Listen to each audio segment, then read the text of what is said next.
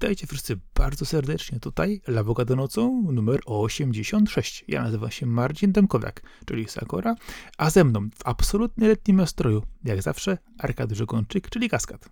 Witam wszystkich, witamy po naszym ostatnim odcinku, który był tematyczny i wyjątkowo niezwiązany z grami i z aktualnościami, więc tym razem wracamy już do naszej stałej formuły. Mamy nadzieję, że mieliście fajną niespodziankę. E, a teraz będziemy przechodzić do tego, co się działo w branży gier w ostatnim czasie i do tego, w co ostatnio graliśmy, gramy, będziemy grać. Dokładnie. Jeżeli chodzi o nasz ostatni odcinek, on był dodatkowy. Co pada numerowany, ale dodatkowy. A najlepsze jest to, że jeżeli ktoś będzie chciał, to tak naprawdę będzie mieć miesiąc z arkiem w podcastach. Gdyż za tydzień będzie też w kuchennych rozmowach. Nie polecam nikomu. Więc y, lećmy dalej. W, sensie nie, nie, że kuchennych rozmów, tylko miesiąca ze mną. Bardziej o to mi chodziło. E, dobrze. Na podcaście. więc, y, więc przechodząc do wiadomości, no w tym, w tym tygodniu, czy też w ostatnim czasie, e, no wyskakują na zewnątrz dosyć smutne wiadomości, jeżeli chodzi o różne zwolnienia, czy też przetasowania w branży gier. E, I chyba takim najbardziej smutnym jest to, że Volition Games, czyli studio, które tworzyło przede wszystkim serię Red Faction i Saints Row, ulega zamknięciu. Po 30 latach na rynku e, i po ostatnim tytule, który był przecież e, grom akcji w otwartym świecie gangsterską, więc czymś, co powinno się świetnie sprzedawać, kiedy GTA nie ma od tylu lat nowego, czyli Saints Row no, no nie przyniósł im ten tytuł zbyt dużo chwały, e, ani też wystarczającego zastrzyku pieniędzy, żeby móc kontynuować istnienie firmy. E, Volition jest częścią Embracer Group, czyli tej, tego ogromnego konsorcjum, które skupuje niemal wszystko na świecie teraz, jeżeli chodzi o branżę gier. No i niestety, e, wielkie zakupy, wielkie przejęcia swoją drogą, a zamykanie studiów swoją drogą. Nie ukrywam, że samo Saints Row e, dla mnie było serią, która troszkę momentami za mocno odlatywała i może to też spowodowało, że e, przyjęcie tego tytułu e, przynajmniej ostatniego było też takie właśnie, że gangsterskie, że niby tak, ale cały czas miało jednak te mocne klimaty Saints Row, gdzie już wiesz, przebijało to no moim zdaniem już zbyt dużo czasami, wiesz, różnych powiedzmy dziwnych pomysłów znaczy ja rozumiem, że e, to ostatnie Saints wyglądało jak skrzyżowanie GTA z Fortnite'em, no ale no nie, może nie do mnie. E, no podobnie też to wyglądało z grami Ubisoftu ostatnio tego typu. No jest to jakiś trend, który rzeczywiście wpisuje się w rynek. E, fajnie może dla młodych, fajnie dla ludzi po prostu, którzy się wyszaleć w kolorowych, wybuchającym konfetti, ale może niekoniecznie. Y, dla mnie, ale kwestia tego typu, że rzeczywiście pierwsze odsłony Saints Row były no, troszkę inne. Y, wydaje mi się, że mocno miały feeling lat 90. Ja osobiście żałuję Red Faction. No, do dzisiaj pamiętam pierwszą część, która po prostu zrobiła oszałamiające wrażenie, gdzie można było praktycznie rzecz biorąc w ograniczonym zakresie, ale jednak bardzo dużym, y, rozwalać praktycznie wszystko, co było dostępne na mapie. E, tworzyć sobie własne drogi, korytarze, przybijać się gdzie chce się i kolejne odsłony, które też e, z większym sukcesem powtarzały sukces tej pierwszej części, no a samo ostatnio też remastered ostatniej części, który okazał się praktycznie na wszystko, no nie było może grą idealną, ale też było właśnie tym odsłoną Red Faction w otwartym świecie, co wydaje mi się, że kurczę, no też gdzieś tam może nie do końca zagryzło właśnie, gdyż wydaje mi się, że strzelanki jednak są e, scenariuszowe, fajne, które są jednak troszkę bardziej korytarzowe, no ale tutaj ta swoboda była też e, kartą przetargową i elementem, który po prostu serię sprzedawał. No i niestety, no nie udało się.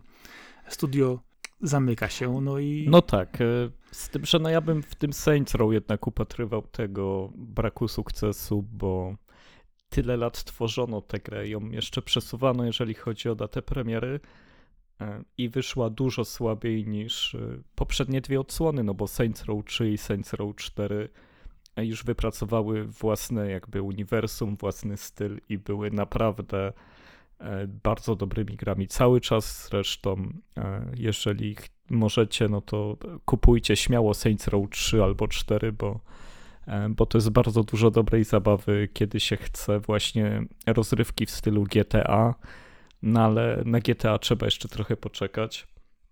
Ja byłem strasznie zawiedziony także tym, jak technicznie ta gra nie działała, bo ona zwyczajnie nie domagała. E, ja miałem zresztą problemy nawet ją uruchomić, bo, bo jakiś plik się, się nie odpalał i, i, i, co któreś kliknięcie na ikonę dopiero mi odpalał e, tę grę, więc e, te, tam było strasznie dużo problemów technicznych, strasznie dużo problemów, jeżeli chodzi o projekty. Miałem problemy nawet podczas misji, że cele się nie pokazywały, więc też trzeba było restartować tam e, okropnie położona technicznie i, od, e, i pod względem wizji była ta gra, ale też spodziewałem się, że będzie kolejna, która na podstawie tych doświadczeń jednak spróbuje się odkupić i wróci do korzeni. No już tej szansy nie będzie. E, zawsze trudno się żegna studia, które mają aż tak długą historię, bo przecież 30 lat, no to w tej branży naprawdę szacun. No, no to jest wielka liczba. No, do tego dorujesz sobie Destenta, dwójkę, Free Space'a, dorzuć sobie Summonera, RPG, którego bardzo dobrze wspominam do dzisiaj. To też z PlayStation no, fa, fa, Fajnie się grało. Y, jedynka i dwój, dwójka, była, dwójka była tylko i wyłącznie na PlayStation 2, z tego co pamiętam, ale jedynka była praktycznie na, na wszystkim wtedy. To tak też było z tym właśnie, że tą drugą część wydano y, tylko na konsoli i na przykład nie była ona dostępna na, y, na przykład na PC czy tam na, na, na innych konsolach, no ale z drugiej strony też, no Saints Row miało, miało, miało swoje lata, miało, kurczę, pomysł jakiś na siebie, chociaż mówię, z każdą kolejną częścią miała bardziej od tej części, od tej, tego cyklu się oddalałem, bo już nie było to już moje poczucie humoru. No ale pojawiały się kolejne, więc no rzeczywiście miało to jakieś branie na rynku. No ale no nie dowieźli tym razem. Tak mówisz, za długo, yy, zbyt problematycznie. No i też duża jednak konkurencja na rynku. Y, z, powiedzmy z tymi swawolnymi, swobodnymi tytułami, no jeżeli naprawdę nie zrobisz czegoś, co zawyłuje ludzi przynajmniej na parę tygodni, no to sorry, zapomniany jesteś od razu. No ciekawe, czy jakieś inne studio przejmie te licencje, bo mimo wszystko no Red Faction i Saints Row to nie są jakieś wielkie przeboje otwierające oczy, ale dalej to są silne marki. E, I jeżeli teraz na kilka lat da się im wygasnąć, no to na pewno będą mało warte, ale Myślę, że jest jeszcze takie okienko w miarę, że można po nie sięgnąć i jeszcze zyskać na tym, że wciąż są rozpoznawalne przez graczy. Byłoby ciekawie, gdyby, gdyby ktoś się za nie wziął, jakiś inny deweloper. No, trudno stwierdzić pytanie, ile to oczywiście mówisz, że będzie warte e, i czy ktoś będzie chciał po to sięgnąć, bo e, no, powiedzmy sobie w ten sposób, e, takich marek, powiedzmy, całkiem znanych, ale powiedzmy w średnim y, miejscu na rynku jest całkiem sporo, no i rzeczywiście w tej chwili, jeżeli nie postawisz na tytuł, na gracza, który jest pewnym po prostu, wiesz, tego, że zarobisz na tym, no to ciężko się w to pakować, bo to możesz tylko robić takie właśnie budżetowe gierki, no a te budżetowe gierki wiadomo jak się sprzedają, tak sobie. No bo zobacz, bo teraz mamy też taką sytuację, że w styczniu będzie wychodzić Alone in the Dark. I to jest według mnie przykład takiej marki, mm -hmm. która trochę za długo leżała nieruszana i już ten główny core graczy, no, no myślę, że niewielu pamięta poprzednie Alone in the Dark. E, ewentualnie mogli mieć kontakt z tymi ostatnimi, które nie były zbyt dobre, więc e, to jest marka, która długo leżała. Chciałem właśnie powiedzieć, że dobrze, że nie pamiętają ostatniej odsłony Alone in the Dark, bo to jest coś, co lepiej wyprzeć z pamięci. No więc i, i teraz też wraca jako taki tytuł średnio budżetowy. E, wraca w ciekawy sposób. E, e, ta gra w ogóle wychodzi w styczniu i, i, myślę, że będzie ciekawym tytułem, ale też takim właśnie sprawdzianem, na ile odgrzewanie marek po tylu latach jest opłacalne i sensowne. No powiedzmy, że kontynuację dostaje Alan Wake 2, ale to jest marka, która jest ciągle jakby na gorąco, więc to jest, mimo iż minęło dużo lat między jedynką a dwójką, to jest fajny przykład, ale co jeszcze tak wychodzi teraz, co nie było przez lata? O, Monkey Island wychodziło też. Ile lat po ostatnim Monkey Island? I nie znam wyników sprzedażowych, ale jakoś nie kojarzę, żeby to był jakiś wielki ruch w branży, że, że wyszło nowe Monkey Island. Ani też nie słyszałem, żeby był z tego jakiś dramat, że, że chociaż nie ukrywam, że mi się ta oprawa graficzna nie opodobała strasznie, w ogóle po tym grę nie sięgnąłem z tego powodu i słyszałem też podobne właśnie komentarze, że scenariusz rzeczywiście jest fajny, gamingowo jest super to zrobione, ale graficznie to jest ochyctwo. No, wiadomo, nie zadowolisz każdego, ale ja się po prostu odbiłem od samej oprawy. No ja postaram się niedługo o tym opowiedzieć, bo mam tę grę na dysku i tak się przymierzam, żeby właśnie na, na jesień ją sobie zagrać, bo Na jesień. to będzie fajny Będziesz moment. taką, będziesz, będziesz mąki jesieniara. Tak jest. E, I, I skoro jesteśmy już w takim smutnym e, miejscu, jeżeli chodzi o zwolnienia, e, to może przeskoczmy do tematu. Myślę, że mówisz o jesień. Może przeskoczmy do tematu BioWare, które też zwolniło 50 osób. Oczywiście zawsze, kiedy tak duże studio robi takie rzeczy, to mówimy, że jest restrukturyzacja, że wszystko teraz będzie bardziej e, płynnie się dziać i Wszystko było planowane. Wszystko było planowane. to było planowane i oni mają gigantyczne budżety, ale te 50 osób by im zjadło ten budżet. Ogólnie nie są w stanie zrobić grę, mając tyle osób więcej, więc, więc muszą się zeskalować w dół. E, No i okej, ja to rozumiem e, w pewnym momencie, ale kiedy są studia należące do takich firm jak Electronic Arts i są tak ogromne i przez lata dostarczają gry AAA i nie mogą ich dostarczyć, tak jak Dragon Age, czy też Mass Effect, który ma wyjść po Andromecie, bo, bo to już mija ile? 6 lat pewnie, zaraz, zaraz minie i ciągle tych gier nie ma, to może te kilka osób by im się przydało, żeby było trochę szybciej i lepiej, ale to, ale to wiadomo, że, że to łatwo mówić, kiedy się nie widzi liczb i tego, jak wygląda tam proces. Ja zakładam, że skoro nic nie wiemy o tych grach cały czas, to znaczy, że e, e, development doszedł do jakiegoś momentu i stwierdzono, że nie, tak nie może być i trzeba robić jeszcze raz. I, teraz jest tylko kombinowanie, jak to jak najtaniej przerobić tak, żeby spełniało warunki. E, Tym bardziej, że gry kosmiczne się rozwijają w międzyczasie i Mass Effect już, e, no myślę, że nie jest żadnym symbolem. Albo nie. To, to chyba za daleko, bo jednak tylu ludzi ciągle ciepło myśli o Mass Effectie, że jeszcze jest ten moment, że, że można to zmonetyzować. Można tego Dragon Age'a też e, e, wyprostować. No właśnie, ale 50 osób co zwolnione, to zwolnione.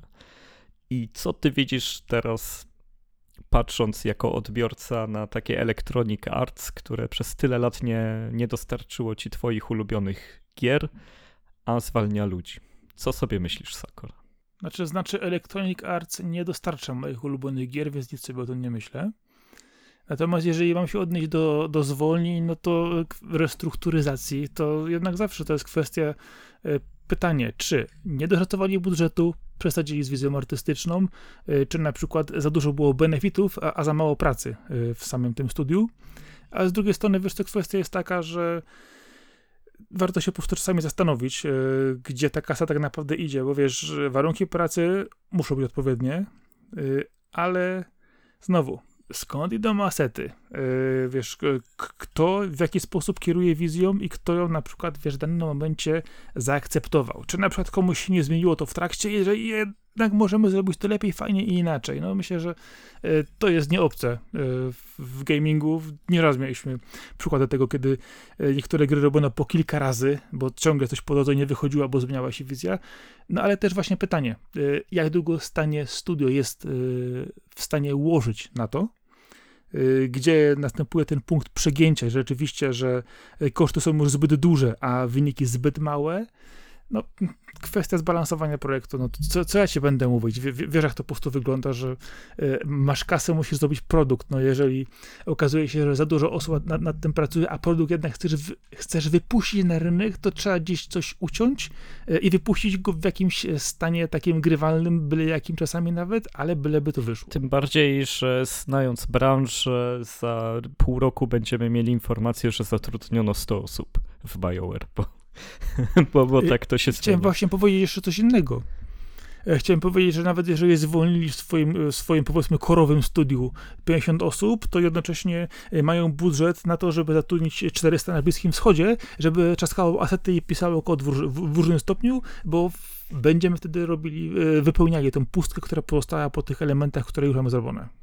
No więc, e, ale to są zawsze trudne tematy. Ja mam nadzieję, że zarówno Embracer, jak i Electronic Arts w przypadku zamknięcia Vo- Volition, czy też zwolnień w BioWare, e, po prostu zadbają o to, żeby odprawy były odpowiednie, bo chyba będąc częścią tak dużych organizacji, to, to jednak dosyć bezpiecznie się odchodzi. Mimo iż tam zdarzają się zwolnienia, to, e, to raczej nawet w Stanach Zjednoczonych, gdzie te prawa pracownika są dosyć małe, można liczyć na to, że, że dostanie się coś na górkę i, i będzie czas na znalezienie nowej pracy. Oczywiście, chyba że postanowię połączyć swoje projekty i stworzą coś typu y, Dragon Effect na przykład i będziemy latać smokami w kosmosie. No, myślę, że studio e, Piranha Bytes od Gotika robi takie, takie pomysły szalone. Co oni tam mieli? E, jak się ta gra nazywała, taka okropna od nich? W sensie wszystkie są okropne, ale... Alex, o. Tak, było takie coś, Ten tak, tak, tak. kosmiczny tak. A, to, było, a to było przegięte. No. Dobrze, jeżeli chodzi o przegięcia jeszcze, to chciałbym nawet nawiązać do tego, że nastąpiło ugięcie albo i nagięcie, a nie przegięcie, bo sukces Baldur's Gate 3 jest, e, no myślę, że tak ogromny, że nie musimy go przedstawiać. To chyba taka największa niespodzianka, jeżeli chodzi o powrót znanej serii w tym roku. Gracze się zakochali w tym, ile możliwości daje ten RPG w prowadzeniu swojej drużyny. E, no i też wersje konsolowe tej gry, no to jest pewien taki no istotny element e, samej promocji, sprzedaży, docierania do nowych graczy. I o ile wersja na PlayStation 5 już jest ogrywana przez ludzi, tak wersja Xboxowa była wstrzymana, prawdopodobnie nie ukaże się w tym roku i skutkiem tego, czy też powodem tego było to, że E, deweloperzy powiedzieli wprost, że na Xbox Series S nie da się zrobić tej gry, e, ponieważ jest za słaby, a jedną z części podstawowych Baldur's Gate'a jest to trójki, że jest tam możliwość grania w kooperacji, grania w koopie na podzielonym ekranie także i Series S no, nie jest w stanie tego pociągnąć. Z tym, że sukces Baldur's Gate był tak duży, trójki, że polityka Microsoftu, która nakazywała, żeby każda gra na Series X i Series S miała dokładnie te same feature'y, no ta polityka poszła w niepamięć. Będzie można zrobić e, Baldur's Gate 3 na Series S e, bez trybu multiplayer, tylko dlatego, żeby w ogóle móc wypuścić Baldur's Gate 3 ogólnie na platformie Xbox. E, no i uważam, że komentuje się to samo, ale też e, chciałbym usłyszeć, jak ty to byś e, podsumował. Ja zacznę znowu od narodzenia. Baldur's Gate pierwsze kupiłem w pudełku na premierze. Kolejne też. Więc y, nie rozumiem, po co ten split screen jest, gdyż na przykład dla mnie Baldur's Gate jednak było zawsze takim osobistym doświadczeniem, grubym rpg fajną rzeczą, y, którą grało się samemu i było to absolutne doświadczenie. Ja rozumiem, że kwestie y, gamingu w tej chwili się zmieniły. Rozumiem, że tego typu epickie przygody można przeżywać z kimś razem. Fajnie, gra jest stworzona po to, żeby te wrażenie dostarczyć. Natomiast e, jeżeli e, Microsoft nie jest w stanie dostarczyć Series S Turbo Boost na przykład, e, no to kurde, no nie macie sprzętu, nie macie możliwości, no to odpuśćcie, tak? Polityka polityką, no ale rzeczywiście to, co się teraz dzieje, no, pokazuje, że w pewnym momencie trzeba już powiedzieć dość, no i pójść jednak dalej z tą generacją, nie? No ale zobacz, właśnie odpuścili i to jest dowód na to, że Series S jest fatalnie słabe, bo za, zahamowuje deweloperów, pokazuje też, że jeżeli osiągasz wystarczająco duży sukces, czyli jesteś dużym graczem, to możesz więcej, bo od innych deweloperów się wymaga, żeby mieli te same feature'y na, na obu sprzętach, ale tutaj od Lariana już nie, bo Baldur jest za duży. E, no i co za tym idzie, zahaczymy o nasze Halo. Czemu Halo nie ma split screena w kampanii e, Infinite? Możliwe, że przez Series S. No, coś w tym jest. I i Ale co myślę, teraz? że gdyby zrobili konwersję na Switcha, to by miało, miało, miało split screena. Switch to jest ten czar, czar, czarny koń tej, tej, pomiędzy generacjami, który dostaje takie wersje gier, które jednak działają. Switch to jest taki 15 klatek, ale osiołek idzie. ze Shreka, który, który jest pomiędzy tak, tym wszystkim. ma warstwy. No, no, i ma warstwy. No ale, no ale no zobacz, no ja myślę, że Halo Infinite nie ma split screena, bo Series S by, by nie dał rady. Znaczy, mnie też zastanawia e, jedno, e, bo wiesz, pakuje się w te tytuły nowe olbrzymie ilości, wiesz, e, grafiki, różnego typu protokołów sieciowych, bajerów, nie wiadomo czego. Oczywiście to wygląda często błędnie, wiesz, świetnie to działa. Natomiast czasami wydaje mi się, że nawet, nawet jeżeli gdzieś, wiesz, jest ten super grafika przykładowo, która oczywiście wymaga odpowiedniej mocy, tak samo te wszystkie, wiesz, rzeczy, które w grze muszą działać, zastanawiam się, wiesz, gdzie ten cały gaming na przykład ucieka, bo wkładanie na siłę tego typu, wiesz, y, rozwiązań, gdy wiesz, że coś nie, nie, nie działa i wstrzymujesz ogromną ilość przykładowo graczy, które zagraliby w tym trybie w dany tytuł, no to jest takie jednak kopanie samego, samego siebie, walenie sobie strzałą w kolano, tak wiesz, z przełożenia. Ale ty y mówisz teraz z perspektywy Microsoftu, czy że Larian niepotrzebnie wrzucał koopa do Baldura? Nie, nie, mów, mówię z perspektywy Microsoftu właśnie. Okej. Okay. Że, że, że wiesz, wrzucasz te wszystkie rzeczy do gry, która y, chcesz, żeby ją miała, bo miała na przykład ją w poprzednich odsłonach, y, która jest oczywiście czymś, co gracze lubią, ale nie mogą tego dostać, bo polityka firmy mówi, że jednak nie, pomimo tego, że to by się na pewno dobrze sprzedało, fajnie to zadziałało, y, to wiesz, że polityka firmy jest ważniejsza. No ale wiesz, ta polityka chroniła przed tym, żeby nie byli równi i równiejsi, a teraz się okazuje, że masz, wiesz, już cały brand Xbox przecież jest taki, że już nie ma Xbox 360, nie ma, jest po prostu Xbox, wszystko jest Xboxem, wszędzie się świetnie bawisz. Nie.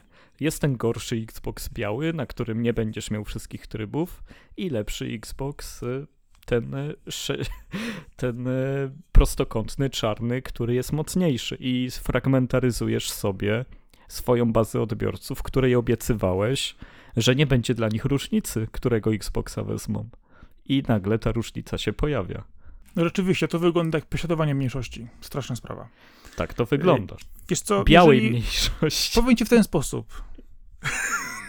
powiem ci to w ten sposób. Yy, wersja X dostanie wszystko tak powinno być, wersja S dostanie wszystko tak powinno być bez tego split screena, bo tamten dostarczymy wam bezpośrednio w chmurze i możecie grać sobie, sobie w niego e, tylko i wyłącznie w wersji cloudowej. I w tym momencie rozwiązany problem. Ciekawe, czy tak będzie, bo brzmi jak coś, co by mogło działać z tym, że patrząc na to, w jak technicznym stanie wyszedł Baldur's Gate 3, to, to ja myślę, że to jest jeszcze ten trzeci problem, że to trzeba jeszcze zrobić po stronie dewelopera, żeby to działało, a mimo tak długiego early accessu i tego, jak bardzo panuje taka podnieta, że spójrzcie, że można wydać niemodną grę, która jest dopracowana i tak dalej, to, to chyba mówią ludzie, którzy nie patrzą na to, co w paczach do Baldura się pojawia, ile tam jest poprawek, ile rzeczy się wywraca. E, i nie działa za dobrze od początku, od premiery i teraz jest łatana na bieżąco. E, ja szczerze też chcę zagrać w Baldura, ale czekam aż tam będą quality of life, poprawki, które sprawią, że w to w ogóle będzie się dało grać, bo dla mnie ta gra wygląda na tak niewygodną i tak nie dającą się sterować. E, tam, tam po prostu trzeba zrobić coś, żeby nie była tak hardkorowo, pecetowo klasyczna, jak Baldur 1 i 2 tylko żebym mógł usiąść, usiąść z padem przed telewizorem i w to pograć. No, na PlayStation 5 e, jest to jakoś rozwiązane. E, podobno się da grać, nawet, nawet nieźle jak się nauczy, ale, ale jest jeszcze wiele kroków e, do zrobienia, żeby było wygodniej. Wiesz co, tutaj dwie rzeczy. Nie zapomnij, że miałeś jeszcze Dark Alliance, które było dostosowane pod konsolę, chociaż były to oczywiście zupełnie inne gry. Ale wiesz co, kwestia jest taka, zawsze mnie zastanawia... Ale Dark Alliance to było hack and slash bardziej, nie? Tak, oczywiście. Mówię że, mówię, że zupełnie inne gry, ale wiesz, mieściło się to w tej serii, tak? E, chodzi mi o jedną kwestię.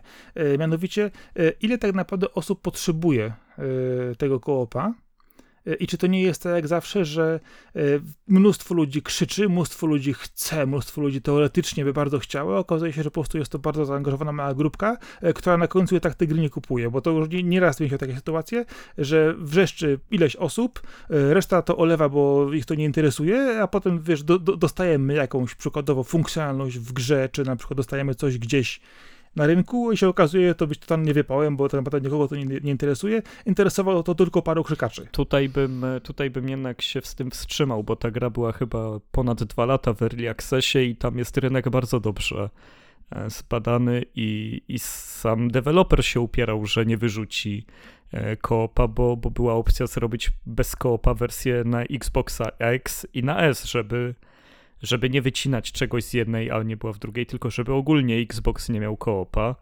a, a studio się nie zgodziło, że to jest dla nich ważny element i widocznie taki też sygnały mieli od swojej społeczności, która no w dużej części zasponsorowała tę grę, bo ten early access i tak dalej to, to był potężnie sponsorowany przez ludzi, którzy, którzy wierzyli w ten projekt i pozwolili też Lyrianowi przeskoczyć, no bo tam e, nie wiem, jakie duże to jest teraz studio, ale na pewno zaczynali jako nie wiem, kilkadziesiąt osób, a teraz jest kilkaset, więc tam był ogromny przeskok y, w produkcji. Ale no właśnie, wracając do takich tematów y, fundowanych przez ludzi, powiedz mi, czy lubisz patapony? Przejdźmy już, skończmy z tym Baldurem, bo on jest dołujący, a patapony nie są dołujące. Ale pamiętaj, że przed wyruszeniem w drogę należy zabrać drużynę. Pataponów pataponów. E, ja powiem, co zawsze mówiłem, nienawidzę gier rytmicznych, denerwują mnie, wkurzają e, i nie, nie podobają mi się. Wyjątkiem są właśnie patapony jedyna gra rytmiczna, która spodobała, że ja oszalałem totalnie, e, trzaskałem pon, pon, patapon, pon, pon, patapon i po prostu do, do, wgrało mi się to w mózg i... A teraz tak, e, a no. wyobraź sobie, że słuchają nas osoby, które nigdy nie grały w patapony, nigdy nie miały PSP, albo urodziły się w czasie, kiedy ta seria w ogóle już nie istniała, czy też wtedy zaczęli grać. Jak byś im przedstawił patapony? Jak słyszycie czasami dobrą muzyczkę, która idzie w fajnym rytmie, i chodzi wam od razu nóżka albo rączka, i tak sobie po prostu idziecie i nucicie, no to wyobraźcie sobie grę, która dokładnie tak działa i robi to z przyjemnością. A potem Arek wali w mikrofon na, nie do rytmu. E, tak, tak zrobiłem. E, patapony są grą, w której e, wybijamy rytm dla naszych wojowników, e, którzy są właśnie tytułowymi pataponami e, i idą przed siebie, pokonując kolejne przeszkody, pobudzani muzyką, którą, którą właśnie sterujemy. A, a, ten przydługi wstęp jest po to, żeby powiedzieć, że po zamknięciu haniebnym, fatalnym, okropnym, niewytłumaczalnym Japan Studio, czyli e, całego labelu, który wydawał tego typu gry dla e, firmy Sony, e, twórcy Pataponów, którzy się wywodzą z Japan Studio, e, poszli na Kickstartera i i stwierdzili, że zrobią własną wersję Pataponów, e, która się teraz nazywa Ratatan. E, I mimo iż będzie polegać na tym samym, no to jednak będzie kilka lat później zrobiona z nowymi mechanikami, z nowymi ulepszeniami. No i ten specyficzny rodzaj gry rytmicznej powraca i wygląda na to, że powraca z dużym przytupem. E, jest ogromne wsparcie graczy, ogromne wsparcie osób, które czekają na takie gry. E, I bardzo się cieszę, że zostało to tak pozytywnie przyjęte. I będzie wersja też między innymi właśnie na PlayStation 4, 5, na Switcha, na Steama i będzie też wersja na Xbox e, X i Xbox S, e, przy czym wersja na S będzie miała jeden dźwięk mniej do, do, do, do duszenia. Tak. I oczywiście Kickstarter się zakończył już sukcesem, kiedy o tym opowiadamy, więc gra powstanie.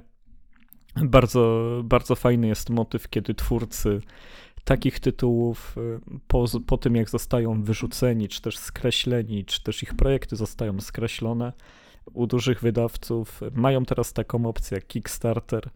Mogą się zebrać jakimś czonem zespołu, nie wiem, 10, 15, 20 osobowym, zaproponować takie demo, pokazać, że są e, weteranami branży, że wiedzą co robią, że chcą robić dalej to, co robili dobrze, tylko muszą wprowadzić pewne usprawnienia, trochę rozróżnić się pod względem e, no, komunikacji wizualnej, e, ale dla fanów e, swoich gier mogą zrobić coś nowego.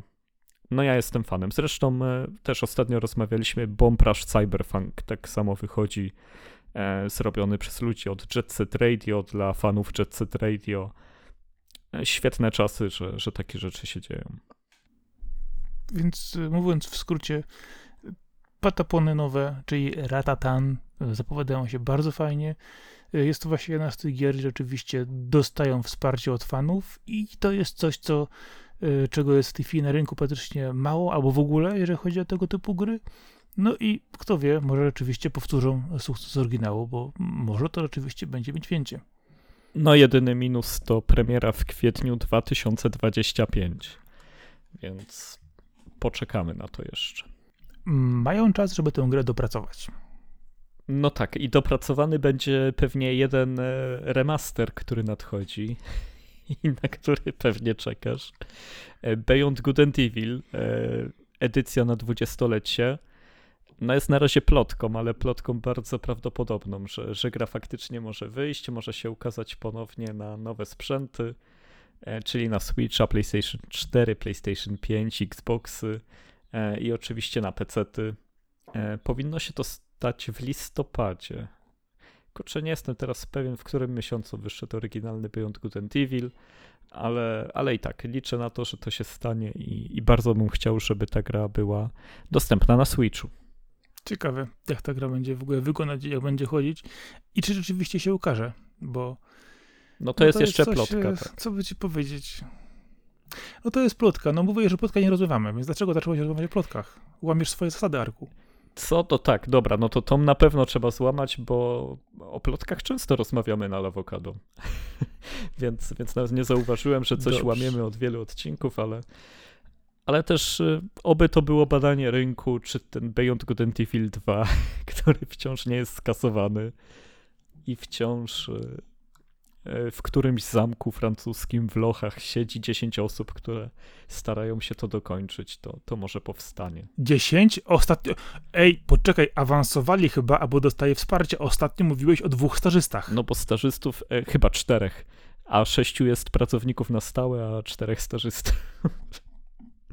Robią co mogą. O, no to projekt, projekt rozwojowy. No projekt nieźle, nieźle, bardzo rozwojowy. rozwojowy. Można składać CV-ki Sakora. Mhm. E, ty już zużyłeś. tak, po francusku. E, co, co jeszcze? O, na ostatnim odcinku rozmawialiśmy o Larze Croft, sugerując, co może się z nią stać, bo coś się miało stać. To była właśnie plotka. E, no i się stało to, czego oboje nie przewidzieliśmy, bo Lara jest w Call of Duty Modern Warfare 2. Ale to już, przecież to już było wiadomo wcześniej. Jeszcze zanim mówiłeś o tej plotce, to przecież to była normalna informacja. No jak, to teraz pierwszy raz ją pokazali? Chyba cię umknęła. To, że będzie dostępna w Modern Warfare dwójce, to było już wiadomo nie od dzisiaj. To było wiadomo jeszcze przed, przed naszym nagraniem, bodajże tydzień wcześniej i był też ten news, news o tym puszczony. E, natomiast nie było informacji e, co do szczegółów. No jak? No tak. No to ty musiałeś się złapać na plotkę, bo 28 sierpnia e, jest news na e, stronie Call of Duty, że Lara Croft dołącza do gry, czyli wtedy się to ukazało, wtedy to ujawnili. Wcześniej też musiały być plotki, ale oficjalne potwierdzenie to jest e, z sierpnia, końca sierpnia.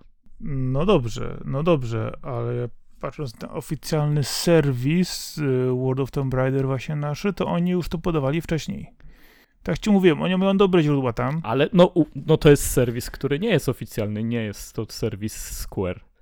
E, Square, nie wiem, kto teraz... No dobrze, dobrze. To jest serwis, który właśnie zbiera plotki, o których nie chcesz rozmawiać, więc... Ej, ej, o których ty przede wszystkim nie chcesz rozmawiać, a ja ci mówię, że... ja bardzo chcę, ja bardzo chcę o plotkach. A ja ci zawsze mówię, że oni mają dobre dojścia I często informacje, które są podawane przez nich, o, to już są.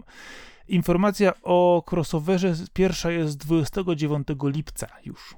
No tak, ale nie była jeszcze oficjalna. A my teraz oficjalnie potwierdzamy. Nie, nie, nie, nie, nie, nie. To było y, oficjalna informacja. Zapowiedź pierwsza. To musimy rozwiązać ten problem. w jakiś sposób. I dopiero później, i dopiero później 23 yy, sierpnia była ta zajawkowa grafika pierwsza, którą wypuścili i dopiero 28 pokazali oficjalnie. Więc masz wszystko z datami. No ale ja w to nie wierzę. W tym momencie w żaden serwis World Jak of Tomb Raider nie na, wierzę. Ja jest, panie. tylko w Call of Duty.com i tam wcześniej nic nie było. E, ale dużo wiary, którą ty masz, Wiesz ona co, się jeszcze przyda. To, to, że, to, że w- na Call of Duty.com czegoś nie było, to nie znaczy, że inny serwis, który wiesz, ma wpisany Tomb Raider, y, na przykład nie jest w stanie stwierdzić pewnych rzeczy albo dostać informacji. Może Tak? dostać. No, ale jeżeli No. informacja jest, sprawdza się potem, to i tak do momentu, kiedy się nie sprawdziła oficjalnie, jest plotką.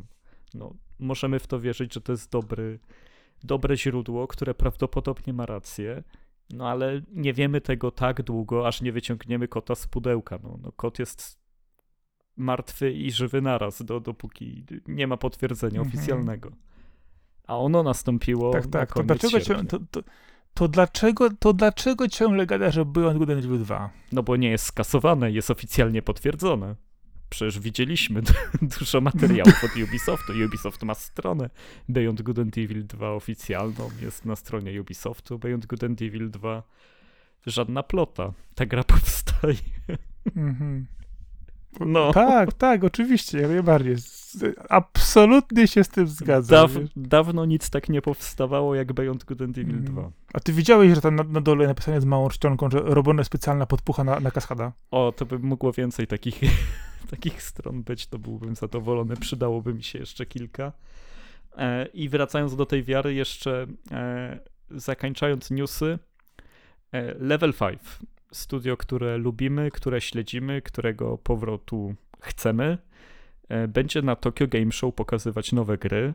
I, I no właśnie, znowu patrzymy w kalendarz, e, nagrywamy to na początku września. I oni cały czas twierdzą, że jeszcze trzy gry w tym roku wyjdą od nich. Co wydaje się bardzo mało prawdopodobne. No ale no właśnie, jakie ty masz na to spojrzenie? Bo, bo cały czas daty są 2023. E, u wszystkich zapowiedzianych przez nich tytułach, nie no, to jest, e, to są cztery gry aż, bo nie liczyłem Fantasy Life, a jeszcze Fantasy Life robią, czyli wszystko poza profesorem Laytonem nowym, e, ma wyjść jeszcze w tym roku. I ja w to nie wierzę. Wydaje mi się, że na tej konferencji to oni przestawią daty głównie, ale okej. Nie wiem, chciałbym zagrać w Decapolis, bo to się, mi się podoba od dłuższego czasu. Rzeczywiście jest to fajna rzecz, która no, no jest czymś, co po prostu z przyjemnością bym zagrał. Powiem coś takiego ci. Nie wierzę, że oni kiedykolwiek wydadzą e, Yokai Watch 4 na zachodzie. Po prostu straciłem wiarę już w to absolutnie. E, To nie jest moje Beyond Good Evil 2, tak jak u ciebie.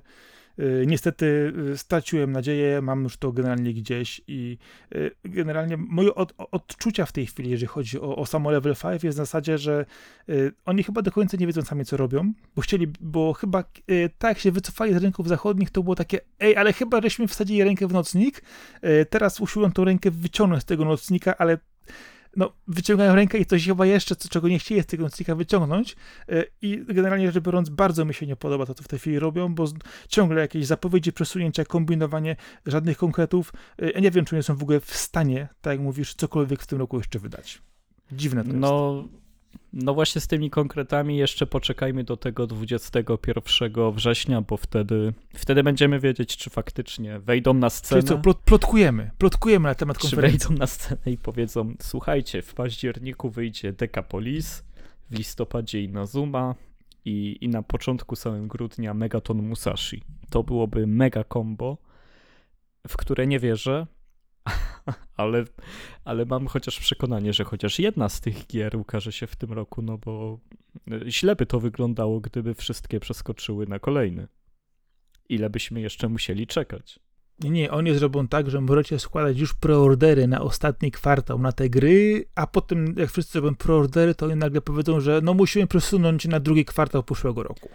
Ale też e, tak jak I dzięki temu będą mieć kasę, żeby te gry skończyć. E, Tak jak mówiłeś, e, na pewno e, to, że wycofali się z rynków zachodnich, ich mocno zabolało. No, mimo wszystko, nawet jeżeli sądzimy, że te gry już się nie sprzedawały za dobrze, które produkowali, na pewno nie tak dobrze jak w Japonii, to, to zachłyśnięcie się sukcesem na rynku swoim domowym japońskim i robienie gier tylko z myślą o Japonii, no nagle się na nich odbiło, bo Japończycy też się znudzili, bo tam produkcja była tak szybka, te gry się za, zaczęły zlewać ze sobą, przestały się odróżniać od siebie, przestały być ciekawe i nowatorskie.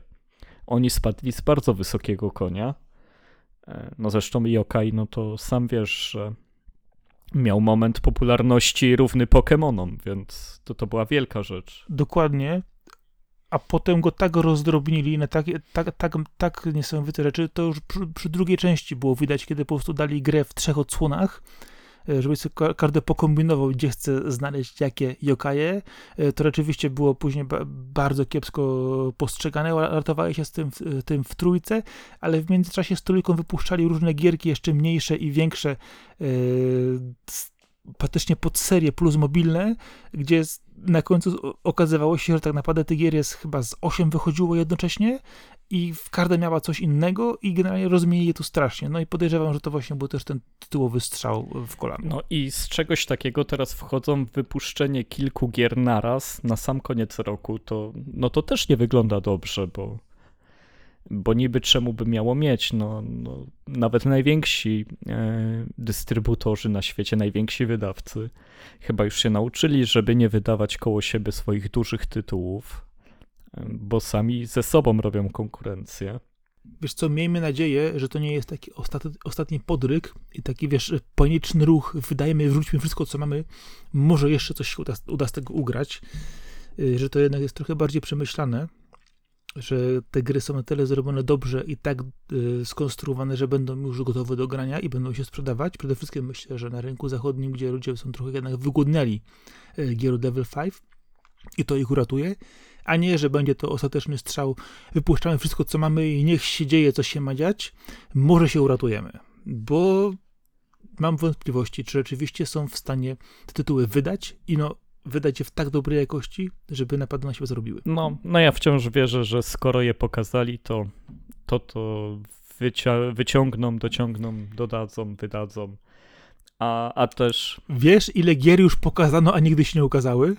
Tak, wiem, że bardzo dużo, ale na takich konferencjach, gdzie wychodzi jedna firma i zapowiada, co będzie robić przez najbliższy rok, to też no, no jeżeli firma wychodzi ze swoim e, właśnie takim directem jak Level 5, no to dla mnie to był taki znak pewności siebie, że okej, okay, nie wypuszczamy trailerów, nie robimy prasówek, tylko robimy własną konferencję i, i patrzcie, ile mamy gier dla was. To szykujemy. Słuchajcie, wracamy, jesteśmy mocni, więc e, właśnie teraz szkoda, że oni tracą ten impet, który tak fajnie zrobili, kiedy zapowiadali te tytuły, bo to było bardzo w fajnej formie zrobione bo to już było jakiś czas temu i ludzie troszkę się, wiesz, już zapomnieli, co to było.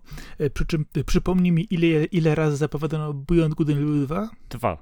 Dwa razy zapowiadano? Ja bym powiedział, bo ze cztery przynajmniej, nie sześć. No nie, no pierwszy raz to było to na pustyni, ten pościg, tak? No. No a drugi raz, no to było, kiedy wróciło na E3 z tym CGI-em, gdzie, e, gdzie ten koleś małpa uciekał ukradł coś temu wielkiemu świniakowi i uciekał. No i to była ta gra cały czas, więc to, to była druga zapowiedź Ale przed, i tyle. Przed, przed pustynią, ja pamiętam, że przed pustynią na pewno była jeszcze jedna mniejsza. Nie, nie, nie. Na, oficjalna informacja była o, o, pracach i o tym, że, że, że będzie. Nie, nie było do tego CGI, ale były informacje. No tak, i potem pokazano pustynię na, na potwierdzenie tego. No to był ciąg tej informacji. To był ten jakby build gry zapowiedziany. To nie jest tak, że każdy news oznacza, że, że na nowo się zapowiada grę. No to chodziło o, o tamtą wersję gry. Potem na lata ucichła i wróciła jako ten CGI z uciekającą małpą, tuk-tukiem. Jasne. Y, chyba, że jesteś Duke Nukem Forever, nie? To wtedy wychodzisz przy każdej zapowiedzi jako inna gra. No, no tam samych deweloperów chyba były trzy studia, nie? I potem Gearbox, tak, czy tak, Gearbox tak, był trzeci. Nieważne, i tak wyszło źle. Ja pamiętam jeszcze te wczesne buildy na silniku właśnie tym ich oryginalnym, na silniku Quake'a później, no sporo tego było po drodze. No więc na pocieszenie na Tokyo Game Show się dowiemy, co z grami Level 5. Wiemy, że Decapolis, Fantasy Life i Nazuma Eleven będą grywalne na targach. To jest akurat znak, że, że te gry są najpewniejsze, że się ukażą a Megaton Musashi i Profesor Layton będą pokazywane tylko w formie wideo, co znaczy, że, że raczej będziemy na nie dłużej czekać. A szkoda, bo ten mega, ten Musashi kurczę, to jest coś, co, co A naprawdę... to jest tym bardziej dziwne, że ta gra już wyszła, bo to jest remaster, bo ta gra w Japonii jest dostępna Tak, i tak. powinna być najszybciej gotowa. Tego też mnie to właśnie dziwi, bo pamiętasz też, że to rozmawialiśmy wcześniej, żebyśmy sobie w to pograli po prostu na Switchu, nie? Oczywiście pomijając Pogramy. Ale Zaraz po Yokai, Watch 4. i po Beyond Good and Evil 2. E, Ale, do, ale zanim w to zagramy, musimy jeszcze w coś innego grać, w coś grać w tym momencie. Powiedz zatem, jaki tytuł teraz e, kradnie twoje godziny, ostatnie wolne godziny? Latem. No. Gdyby to były moje ostatnie wolne godziny, na pewno bym nie grał. Poczytałbym sobie na przykład, albo coś, wiesz, popisał. Ten. Dobrze. Y, Ja zrobiłem znowu ten błąd, który robiłem już wielokrotnie, czyli kupiłem sobie grę wyścigową. Nie? Czyli yy, Oczywiście na promce minus 900%, jak to Sakura. oczywiście wersja goty ze wszystkim, żeby nie było. Oczywiście na Switchu, na e-shopie przeglądając sobie Oczywiście. wieczorem, klikając, nie wiedząc co zrobić. Przypadkiem Tak. trafiłem na Hot Wheels Unleashed. Klasyka Sakory. No to dawaj. Co ja ci mam powiedzieć? Y, ty Wie, wiesz, że tej grze przyglądałem, przyglądałem się wcześniej już wielokrotnie, jako że mam y, takiego lekkie skrzywienie na Hot Wheelsy, y, Matchboxy i inne tym podobne. Y, no. Y, Ty, Arek, nie zbierasz figurek, nie zbierasz samochodzików ani tym podobnych, więc co ja ci będę mówić? Możesz sobie pograć samochodzikiem w grze.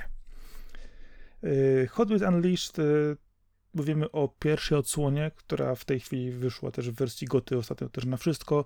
E, Dla zainteresowanych 19 października będzie druga część Hot Wheels Unleashed, która wygląda oczywiście lepiej, wygląda fajniej, e, ma, będzie też mieć motocykle, których w pierwszej części nie ma. Ale sama pierwsza część e, okazała się być typowym bagnem wyścigów, w jaki ja oczywiście zawsze wchodzę. E, Ostatnio e, miałem taką fazę przy Gear Club Unlimited, gdzie po prostu wdepłem, to musiałem przejechać wszystko. Oczywiście siedziałem przy tej grze za długo, zbyt dobrze się bawiłem yy, i traciłem czas niesamowicie na przekręcanie kolejnych czasówek. I tym razem widzę, że zrobiłem to samo, czyli wpadłem w jeszcze fajniejszą gierkę, yy, z super samochodzikami, yy, kolorową, bajerancką, fajną, do której miałem opory yy, jeszcze wcześniej, do tego, że zastanawiałem się, co to właściwie jest, jak ona ma fizykę, jak to właściwie jeździ, jak to w ogóle, wiesz, funkcjonuje. I okazało się, że bardzo szybko rozwiało wszystkie moje wątpliwości. Oczywiście, e, dostajesz mnóstwo samochodów na początku. W wersji e, Goty dostajesz jeszcze mnóstwo bonusowych. E, Ważne jest to, że w tej chwili w tej grze nie działają już eventy, które były robione online'owo, gdzie można było zdobyć dodatkowe specjalne jakieś auta o określonym okresie czasu, bądź też e, przy określonych zadaniach. O, to jest słabe zawsze. E, Tak, ale z tego co wiem, one są dostępne gdzieś w tych, w tych, w tych pakietach e, w środku gry dodatkowych, ale do tego, do tego jeszcze dojdziemy, jak się samochód zdobywa. E, Część aut właśnie dostajemy od razu na dzień dobry, część mamy normalnie dostępnych. Auta możemy też wygrać w międzyczasie przy poszczególnych e, przykładowo wyścigach e, i możemy też za monetki, które zdobywamy w grze, kupić sobie pudełko niespodziankę i w nim coś wylosować. No i tutaj jest absolutna totalna loteria, bo można wylosować naprawdę fajne autka. Na przykład, nie wiem, wpada ci w wóz z powodu do przyszłości, wpada ci na przykład Night Rider, yy, ale wpadają ci też na przykład trzy razy z rzędu to samo auto, dostajesz, dostajesz hopla. No, ale generalnie rzecz biorąc, yy, jeżeli chodzi o cyfrowe kolekcjonerstwo, to w tej grze jest co zbierać. Yy, jest dwóch samochodów. Różnią się one parametrami, co jest ważne. Yy, I co zastanawiałem się, w jaki sposób oni mają zbala- o, o, zamiar zbalansować te autka, które są jednak trochę lżejsze, trochę bardziej plastikowe, trochę metalowe. Gdzie mamy auta i zwykłe wyścigowe, normalne yy, i różne yy, pokręcone pomysły twórców Hot Wheels i mamy też Monster Trucki i mamy też różnego typu auta licencjonowane, czy to z Żółwi Ninja, Uniwersum DC, czy Warnera, więc tego sporo, sporo tam jest jest czym jeździć. I okazuje się oczywiście, że te autka prowadzą się różnie, mają różne, różne e, sposoby kierowania, działania. E, działa na, co ważne, działa u nich aerodynamika, co oczywiście bardzo dobrze widać, szczególnie przy, przy skokach e, czy przy różnych manewrach, które się wykonuje. I to jest bardzo fajnie zrobione, bo nawet jeżeli auto ma bardzo podobne parametry, a jedno jest klockiem, a drugie jest upływowe, to będą rzeczywiście zachować się inaczej. I to jest fajne, bo pomimo tego, że mówiłem, te autka są lekkie, to jednak ta masa rozp rozpędzonego bolidu jest fajnie wyczuwalna i daje się tym bardzo dobrze jeździć, a jak pierwszy raz się zdobędzie auto na pomarańczowych kółkach, bo to się okazuje, że mamy kółka czerwone, mamy kółka czarne, białe, pomarańczowe, są też zielone, to okazuje się, że te kółka też gwarantują różną przyczepność, a czy to będzie kółko terenowe, plastikowe, czy będzie podgumowane, to też znowu inaczej jeździ. Więc możliwości jezdnych jest bardzo dużo jest czym rzeczywiście wybierać, jeżeli chodzi o trasę i czasami trzeba naprawdę wybrać konkretne auto. E, przy niektórych przykładowo rekordach czasowych czasami lepiej wziąć auto na przykład z lepszą przyczepnością, trochę mniejszą mocą, które na przykład będzie mogło ścinać zakręty, a nie wchodzić na przykład w nie ślizgiem, bo to znowu powoduje, że załadujesz sobie busta, ale stacie trochę czasu. Mnóstwo, mnóstwo niuansów. Okazuje się, że ta gra jest bardzo dobrze skonstruowana pod, pod tym kątem i trzeba kombinować. Ma trzy stopnie trudności. Yy, Najłatwiejszy jest taki, że praktycznie wchodzimy na tasy, przejeżdżamy, ale z czasem później okazuje się, że też są e, pewne wyzwania, które wymagają lepszego podejścia.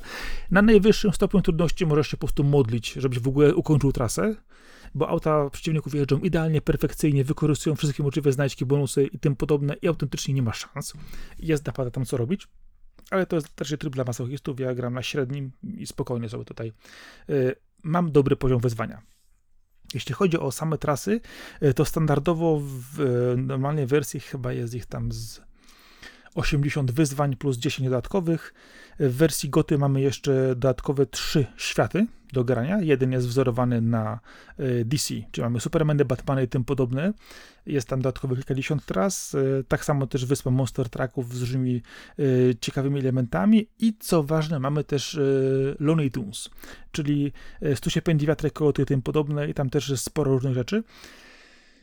I to widać w grze rzeczywiście, że różnorodność tego jest e, olbrzymia. E, jest tam kupa zabawy, kupa fanu. E, można też rzeczywiście sobie na przykład wziąć, jeżeli ktoś widział Hot Wheelsy w sklepie, mamy modele standardowe, mamy, też te pokręcone. Jeśli ktoś widział kiedyś Snopiego siedzącego na, na budzie, pędzącego samochód, jako samochód na torze, to jest w dobrym miejscu. Tutaj dokładnie można sobie to, tym poszaleć. Jeżeli chodzi o same trasy, to tak jak wspominałem, w postawie jest ich sporo. Mamy też później w dodatkach jeszcze ich troszkę więcej, tam tylko e, kilka przejechałem, żeby mieć większą świadomość tego, co tam jest, bo jestem w tej chwili tak w dwóch trzecich przechodzenia podstawki, więc myślę, że naprawdę sporo, sporo tego przeszedłem. Został mi jeszcze w sumie e, parę torów, jeden boss. Właśnie, bo oprócz tego, że mamy normalne tory, które na początku są dosyć proste, e, z czasem stają się to bardziej pokręcone. Tak na przykład na początku wszystkie mają bandy i nie da się z nich spaść, tak później e, pojawiają się takich, z których można spaść. A mamy przeszkadzajki jeszcze na trasie, które nas z nich zepchną, e, zsuną, zablokują drogę, rozwalą nam coś po drodze i rzeczywiście tutaj stopień skombinowania, skomplikowania się później zwiększa i trzeba czasami naprawdę kombinować, w jaki sposób ustawić auto na przykład podczas skoku, żeby nie polecieć za daleko, być pod odpowiednim kątem, żeby wpaść na tor, a nie na z niego wylecieć. Bo to jest ciekawe, tu można przegiąć, polecieć przez cały tor do góry i w ogóle zapomnieć o trasie, a nie na przykład precyzyjnie wylądować i na przykład przy lekkim ślizgu wrócić na tor. Więc tutaj kombinowania jest sporo, ale oczywiście mamy też różnego typu boosty, zależnie od tego, jaki to jest pojazd. Są to takie pojedyncze, które strzelamy do, aż do wyładowania. Mamy też takie, które y, dozujemy według własnego uznania. Możemy ładować je na torze. W różnych miejscach mamy też na torze miejsca, gdzie się rozpędzamy, ładujemy bonusy, różne rzeczy. Tego jest całkiem sporo. Mamy też oczywiście różnego przeszkadzajki, które nas z tego toru zwrócą. Czy to właśnie sadowe black bandy, jakieś wiatraczki, które rozpędzone y, z wiatrem spychają nas z toru, y, różne przeskazajki, które na nad torem latają, y, przesuwają się gdzieś tam, uderzają. Jest tego całkiem duże sporo. I co ważne, mamy też bossów. Bossowie to są, jeżeli ktoś widział jakieś trasy Hot Wheels, to są takie różne stwory, które gdzieś są na przykład jakimś takim dodatkowym elementem. Mamy na przykład dinozaura żyjącego ogniem, pająka strzelającego pajęczyną, innego klienta, który wali kwasem, czy na przykład taki, który nam zam, zam, zamrozi naszą drogę.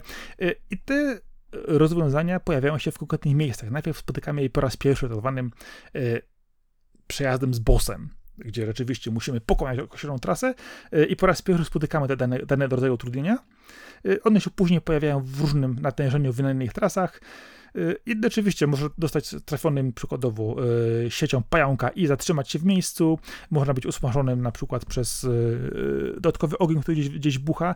I moje chyba ulubione to jest to, że jest jeden przeciwnik, który strzela kwasem, który powoduje, że twoje auto jest oblepione, blokuje ci to generalnie rzecz biorąc wyloty ruch wyde rur wydechowych i powoduje, że po całe, całe auto po w momencie włączenia boostu się po prostu paćka i lepiej do wszystkiego i zwalnia. Bardzo fajnie ten efekt wygląda.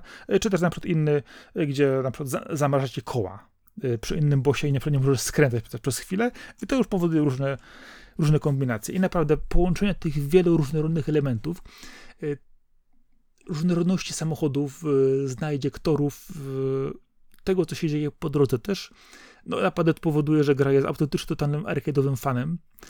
Nie, ba, nie bać się tego, że to są samochodziki, to jest naprawdę mają porządny model jazdy arcade'owy, różnie trzymają się drogi, trzeba kombinować, trzeba czasami szukać rozwiązania.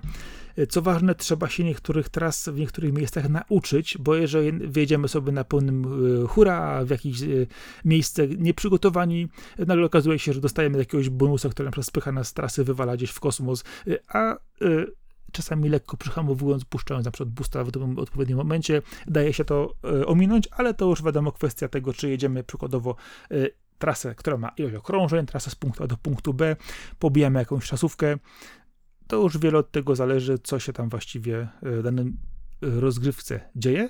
I co ważne, e, oprócz tego jeszcze mamy też tak zwaną piwnicę. Piwnica jest takim elementem dodatkowym, jest jednym z lokacji, gdzie jeździmy, bo oczywiście trasy są w różnych miejscach, czy to będzie skatepark, jakaś budowa, biuro, uniwersytet, czy też na przykład y, jakiś garaż. Sporo jest takich lokacji, gdzie te trasy zbudowane są. I one fajnie wyglądają, gdyż najpierw mamy proste trasy w tych miejscach, one się później bardziej wykręcają. Są te trasy, które naprawdę wyjeżdżają gdzieś z budynku, na przykład na takim skychaperze, na zupełnie ogromnym, wiesz, piętrze, my tam wyjeżdżamy na jakimś takim jednym zakręcie czy drugim trasy, mamy piękne widoczki, fajnie to wygląda. No i potem mamy też tą piwnicę. Piwnica ma to do siebie, że jedną z walut w grze, oprócz tych monetek, które zdobywamy za wyścigi, które możemy wymienić później na swoje samochody, yy, są trybiki. Trybiki możemy wymieniać na wyposażenie. Wyposażenie jest naszej piwnicy, czyli wymieniamy sobie ściany, wystroje, elementy, yy, wszystko, co tam można praktycznie sobie yy, przestawić w tym pokoju i to jest później naprawdę widoczne na trasie, którą jedziemy, czyli możemy sobie na przykład w jednym razem wszystko zrobić w Hot Wheelsach, żeby tam było świetnie kolorowo, a innym razem trasę na zmienić sobie na jakiś taki spooky house albo samych astronautów. Więc tym rzeczywiście fajnie to wizualnie wygląda, można sobie trochę poszaleć. Sam edytor tras też dostępny tutaj, czy też edycja samochodów y, jest troszkę toporny, y, ciężko się czasami tam gdzieś uploaduje, przesuwa niektóre elementy, ale nie jest to konieczne, gdyż te trasy, które dostajemy, naprawdę są zupełnie wystarczające, żeby się dobrze bawić. I takim ciekawym jeszcze elementem na koniec, który możemy sobie yy, dodać, yy, to jest yy, całość tego, że gra dostępna jest obecnie jeszcze chyba na eShopie w promocji wersji goty za chyba, nie wiem, minus 80%, jak dobrze pamiętam, więc naprawdę za te 50 parę złotych można kupić grę w pełnej wersji ze wszystkim i to po prostu bardzo, bardzo dobrze, fajnie działa. A jeżeli ktoś chce się jeszcze pobawić, to w grze są ukryte sekrety, czyli różne specjalne, dodatkowe przejazdy, tory, yy, gdzie trzeba się spełnić określony warunek, żeby to odblokować i znaleźć się tam. No i tego tam jest, mówię, sporo zabawy. Yy, naprawdę nie bać się tego, że są plastikowe, metalowe samochodziki, bo da się tym spokojnie jeździć i dobrze bawić. A, a jakbyś mógł porównać do innej gry e, ten tytuł, to do czego jest najbliżej Hot Wilson? Wiesz, to ciężko tak do końca to powiedzieć, bo z jednej strony masz e, sporo takiego fanu, który był obecny przy Mario Kartach na przykład. Jest takie trochę, trochę feelingowe to, ale jednak w inną stronę. E, e, jeżeli weźmiesz sobie nowe odsłony Micro Machines, e, które były takie sobie, ale były też toycarsy różnego typu, czy tego typu tytuły, gdzie rzeczywiście jeździsz sobie małymi samochodzikami po różnych terenach, to to jest blisko tego. I, I, to jest naprawdę wyższa liga, jeżeli chodzi o tego typu gry, rozwiązania, bo tutaj jest to zrealizowane na bardzo wysokim poziomie i fajnie, fajnie to jedzie. To jest takie właśnie, pamiętam różnego typu RC racery, takie tytuły pojawiają się, chociaż w tej chwili większość jest dosyć budżetowych, jeżeli chodzi właśnie o tego typu rozwiązania, gdzie jedziesz małymi samochodzikami po dużych pokojach.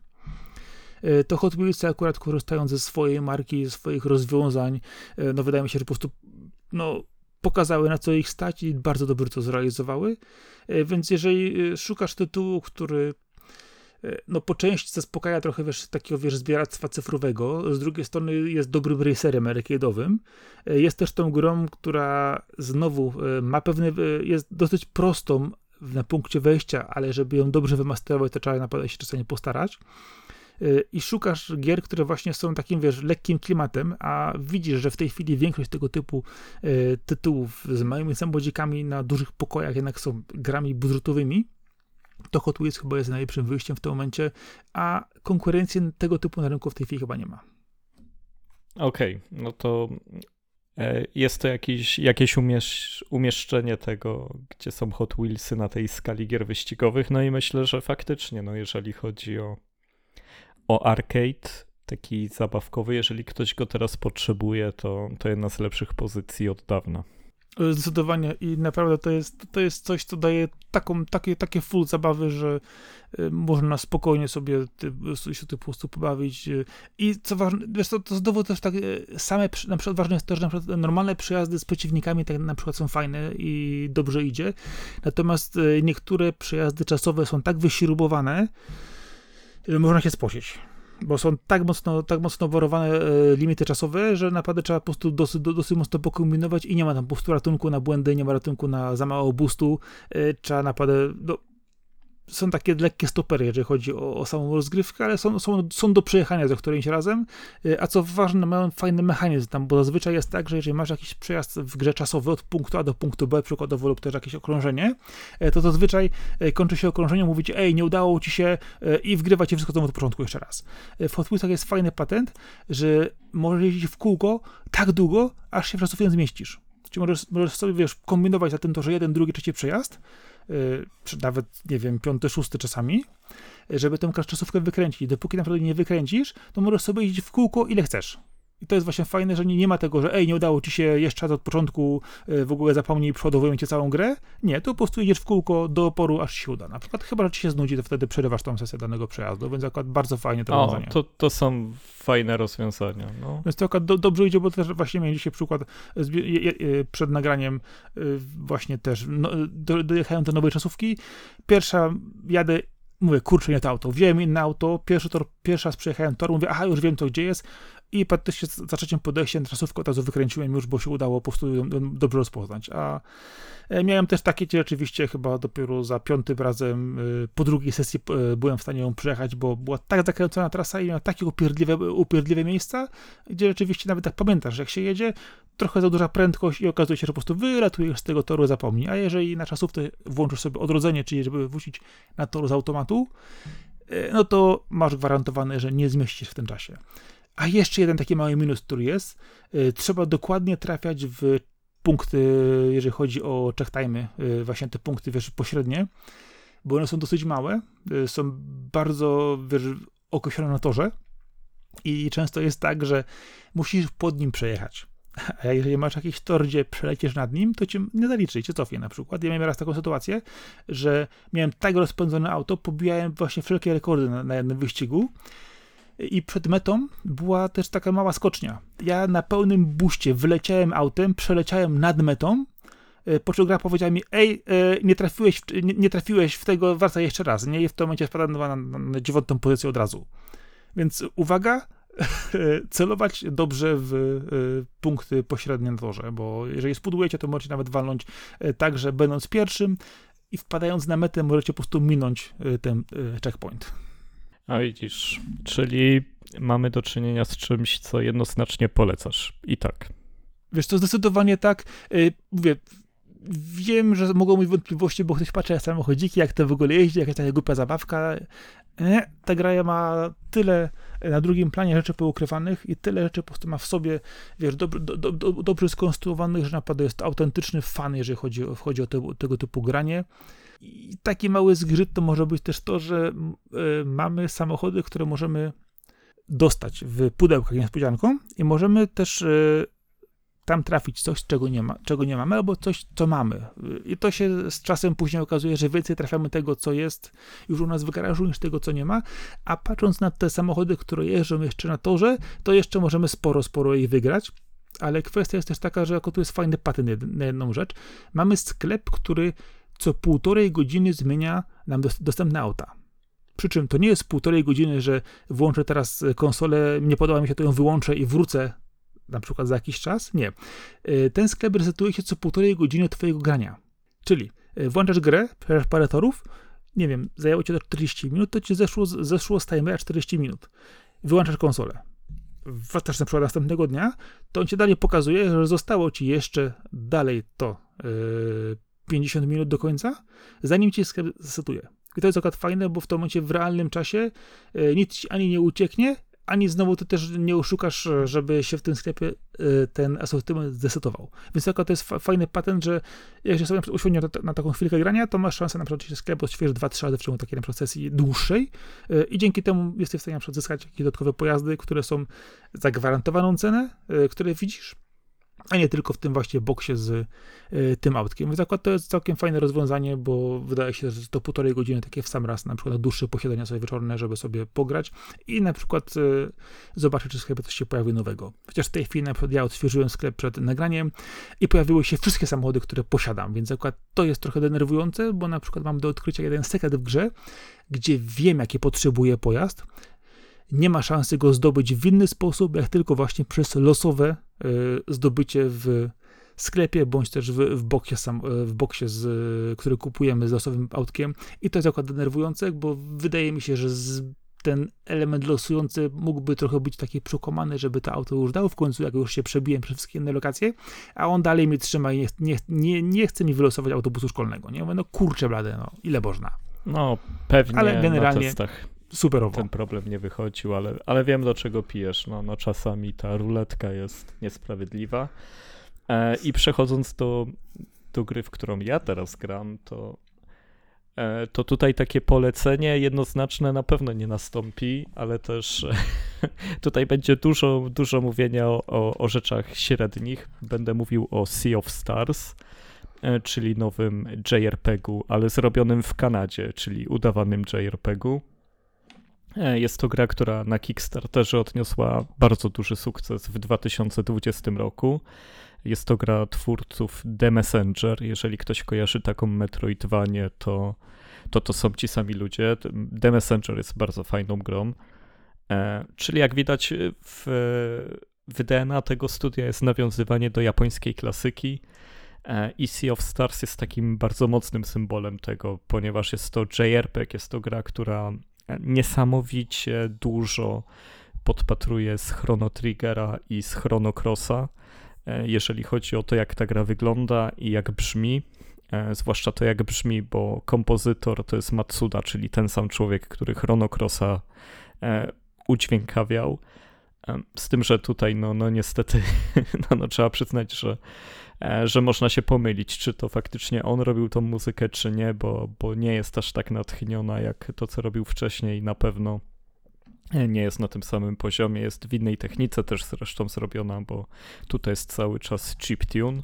Bardzo przyjemny, ale nie epicki, nie taki, że, że porusza świat, a w Chronocrossie taki był. E, taki był soundtrack. Więc tak, no, mamy RPG, gdzie jest dwójka bohaterów, są to wojownicy przesilenia, są to, są to dzieci urodzone w czasie przesilenia zimowego i letniego, więc z tej okazji mają supermoce, trafiają do akademii, gdzie się te supermoce e, podszkala i, i się właśnie staje wojownikami. E, oczywiście w tle jest walka złego czarnoksiężnika z dobrym, która się ciągnie od tysięcy lat, i teraz jesteśmy w jej takiej decydującej fazie, że e, wojownicy przesilenia, jako jedni z niewielu w czasie zaćmienia słońca, będą mieć szansę pokonać ostatni element układanki złego i, i na dobrego pokonać. Ale oczywiście wszystko nie idzie po ich myśli i, i trzeba się trochę nadeptać po tym świecie.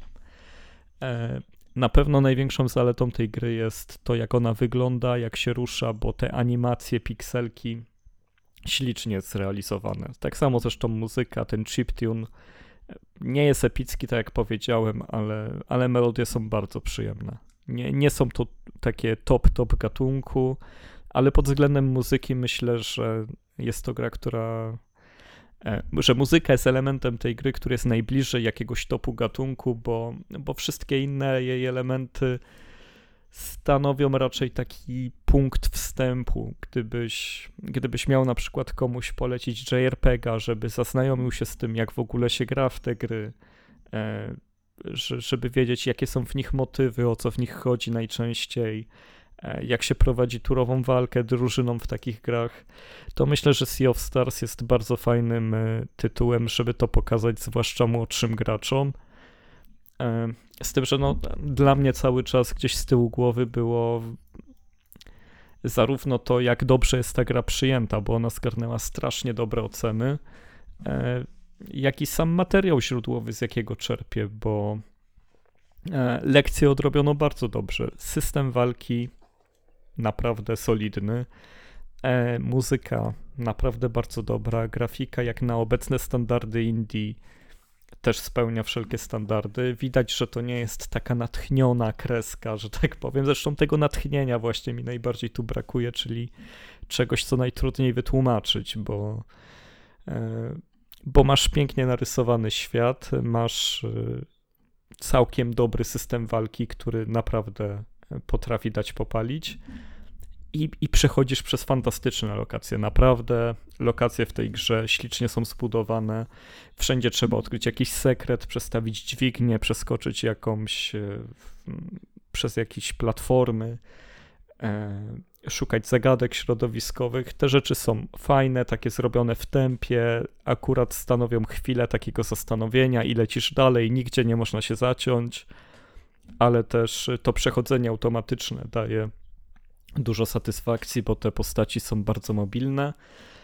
No ale w momencie, kiedy dochodzimy do scenariusza, to wszystko siada. No, tak jak mówię, jakieś dzieci przesilenia przyniesione przez jakiegoś orła, żeby w akademii się uczyć i ruszyć, zabić czarnoksiężnika, to e, oczywiście takie JRPG są, jest ich masa i, i często tak się zaczynają. Z tym, że tak jak wiesz, w JRPGach zwykle dochodzi do kilku zwrotów akcji, które bardzo mocno je zmieniają, e, zwłaszcza zmieniając grę, która jest taka otwarta, wesoła, słoneczna. E, jakiś szczyt nihilizmu i, i ludzkiego dramatu, cierpienia. E, bardzo dużo jest takich momentów katarzis, czy też no, te wszystkie stałe elementy JRPG-ów, które dobrze się kojarzą i są e, taką reklamówką gatunku, że nakręcają dramatyzm i, i efektowność i sprawiają, że te postaci są niesamowite to, no to tutaj to uchodzi. Ja, ja mam problem, żeby zapamiętać imiona tych postaci a, a co dopiero jeżeli chodzi o jakieś ich większe losy, bo to jest naprawdę opowieść o, o, o tym, żeby wejść na górę i zabić czarnoksiężnika, a po drodze trzeba w każdej krainie znaleźć magiczny artefakt i przestawić go w miejsce, gdzie ten arteka, artefakt powinien być, więc no myślę, że ta motywacja jest największym stoperem przed tym, żeby dawać grze mm, te najwyższe oceny. Z tym, że wiem, że podchodziłeś z dużym dystansem i, i muszę ci powiedzieć, że nie jest tak źle, jak się spodziewałeś, e, ale też na pewno nie jest tak dobrze, jak wiele recenzji każe myśleć. No ja mam wątpliwości, jeżeli chodzi o styl graficzny. Do, wiesz, do, do, mnie, do mnie nie dociera taka, tego typu Y, realizacja. Ja okej, okay, mogę zrozumieć, że wiesz, mamy kolejnego JRPGa, który uderza, wiesz, w sentymenty i klasykę, y, ale z tego, co powiedziałeś, obawiam się, że on jest strasznie generyczny, mimo tego, że ma mnóstwo fajnych elementów y, szczepionych razem, to on jednak, mówisz, no nie, nie dostarcza. Nie ma tej duszy, tego feelingu. Czy to jest rzeczywiście taki element, który, wiesz, powoduje, że nie chce ci się grać, czy jednak skupiasz się na jakichś takich elementach, które dają przyjemność w tej grze? E Wiesz co, gram, no bo ta gra jest bardzo płynna, tam jest dużo postępów, bo na maksa dużo wysiłku włożono w jej warstwę graficzną, wizualną i, i tak szybko zmieniają się lokacje. Ciągle pojawia się coś nowego, że z przyjemnością tam chodzisz, krążyć, krążysz, tylko ten element fabularny właśnie, no to jest taki no banalny. Tutaj nie, nie bójmy się tego słowa. A ten styl graficzny, o którym mówisz, to chyba chodzi o to, że on jest zawieszony pomiędzy japońskim stylem, a stylem z amerykańskich kreskówek. To jest taki środek pomiędzy tym. Jakby naraz chciano zrobić grę no. na zachód i na wschód.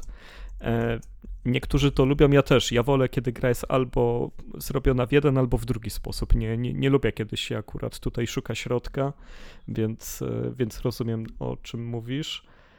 E, ale no właśnie to samo granie, ono ma dobre tempo, poza prologiem, który, początek gry jest bardzo źle zrobiony. To tam się musiałem zmuszać, żeby sprawdzić, czy faktycznie dalej będzie lepiej. I było lepiej, bo, bo właśnie, bo od wioski do wioski, z kontynentu w kontynent, wiesz, to jest e, taka kreskówka poranna dla dzieciaków, gdzie ciągle przeskakują bohaterowie przez różne miejsca, więc jakoś się to śledzi. E, I, I faktycznie można się w tym rozpędzić, i, i nie wiesz, co będzie za chwilę, bo może być wszystko, bo. Ale tak naprawdę jest to, czego się spodziewasz, czyli zielona wyspa, e, wioska jakichś postaci, które są zwierzętami, które mają cechy ludzkie, jest lokacja zimowa, letnia, ale, ale to wszystko jest ok. No. Czyli co, odhaczamy checklistę? E, nie, bo ta gra cię nie puszcza wolno. E, idziesz prosto, wiesz? Nie, chodzi, chodzi mi o elementy, że muszą być, e, wiesz, musi być pustynia, Tak, musi, tak. Być, musi być lodowa, muszą być dobrzy, źli, wiesz, wszystko, wszystko, wszystko według, wiesz, scenariusza musi być, tak powinno być, bo jak tego nie ma w grze, to gra jest zła, albo, wiesz, nie dostarcza, nie? Y, Ale wiesz, co, To jest taka podstawowa checklista.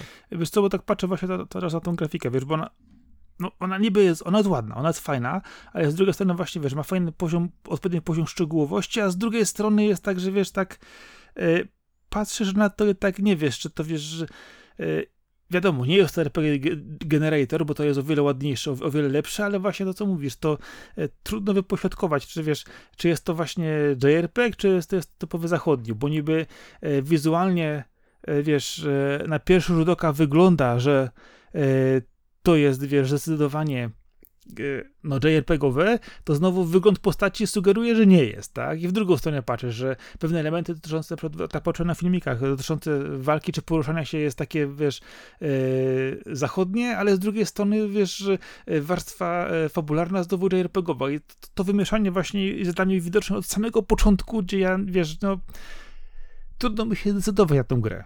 No na pewno i nie pomaga jej też y, to, że no ma taką konkurencję, no bo tutaj jakieś stawianie jej koło Chrono Triggera to jest, to jest kompletnie pomylone. To, to, to nie, to zupełnie nie ta półka. To wiesz, zresztą Chrono Trigger nawet dla mnie to jest gra, która jakbym robił swoje top 10 JRPG-ów, to by się tam nie znalazł, ale to jest też taka gra, która gdzieś tam jest y, poniżej tej listy i pilnuje, żeby żaden indyk na nią nie wszedł, no bo stanowi taką cezurę, że, że, że to jest też wyjątkowe dzieło, które, które dzisiaj bym zdecydowanie bardziej polecił niż Sea of Stars, bo e, Chrono Trigger jest niesamowicie do przodu, jeżeli chodzi o to, w którą stronę pójdą JRPG, e, w, w jaką stronę taką action i, i wielkiej przygody, jak bardzo się to zmienia w Chrono Triggerze względem e, gier z epoki, e, że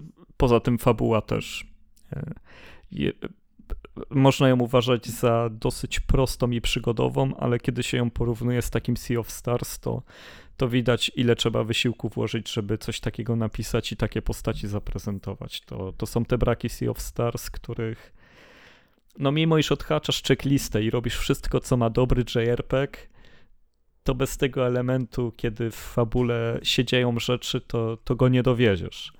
Z tym, że dalej, tak jak mówię, jest to gra, która potrafi się popisać.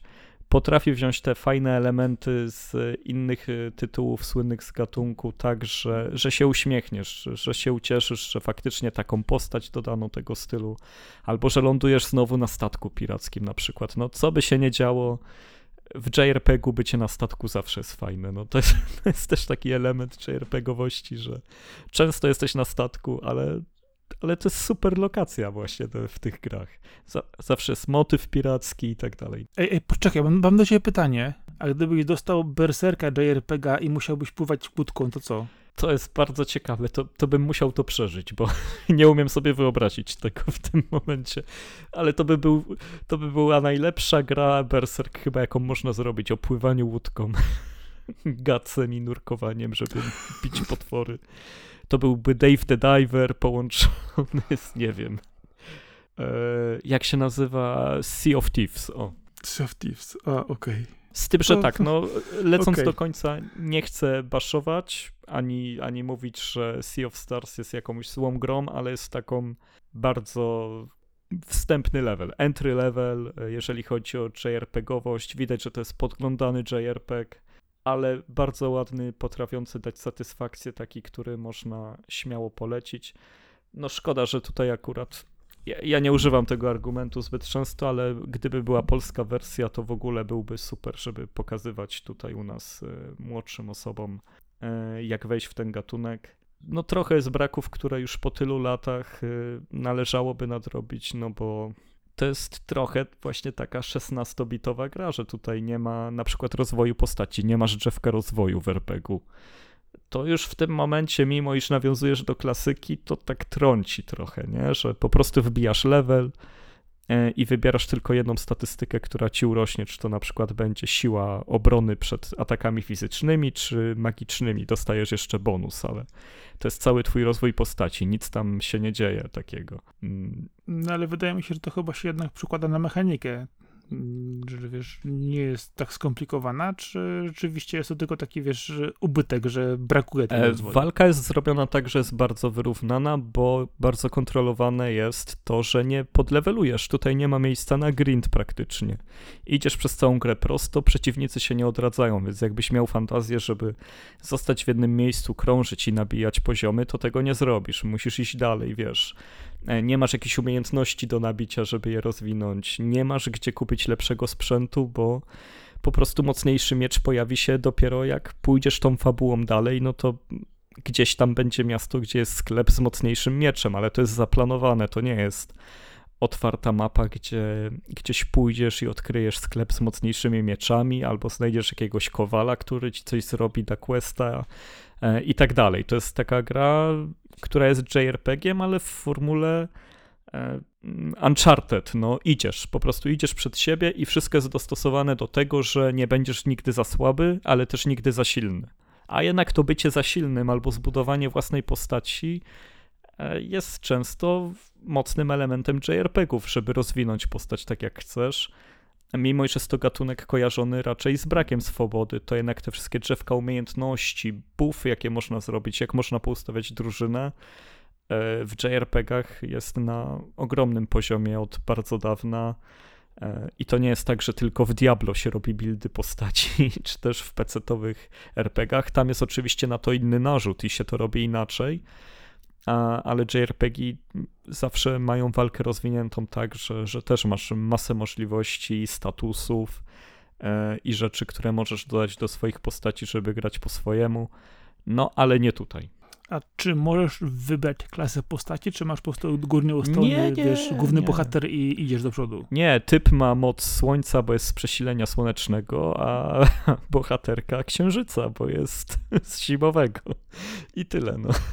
Okej, okay. czy, czy, czyli na przykład nie możesz stwierdzić, że e, ja będę rycerzem, a w innym y, ranie gry stwierdzić, że będę magiem. Rozumiem, że po prostu tutaj jesteś bohaterem. Nie, nie, jest bar bardzo mało rzeczy. To są takie mini szachy, że no, autorzy bardzo przemyśleli, jakie umiejętności masz i one są potrzebne, żeby tę grę przejść i jest dostosowane jakby jak mocni są przeciwnicy, jakie oni mają słabości i umiejętności, no ale nie wyskoczysz poza te ramy, nie? Nie, nie będziesz miał swojej postaci, Aha. nie rozwiniesz jej, nie będziesz grał po swojemu, tylko będziesz układał te elementy właśnie, żeby, żeby osłabić przeciwników, podmienić swoją postać, bo e, walczysz trzyosobową drużyną, ale masz więcej postaci, możesz je słapować podczas walki, ma to swoją głębię. No, system walki jest bardzo fajny, tylko mówię, no, ta nadbudowa, która zwykle jest w RPGach, e, tutaj nie istnieje i czy to klasy postaci, umiejętności, skille, drzewka umiejętności, to,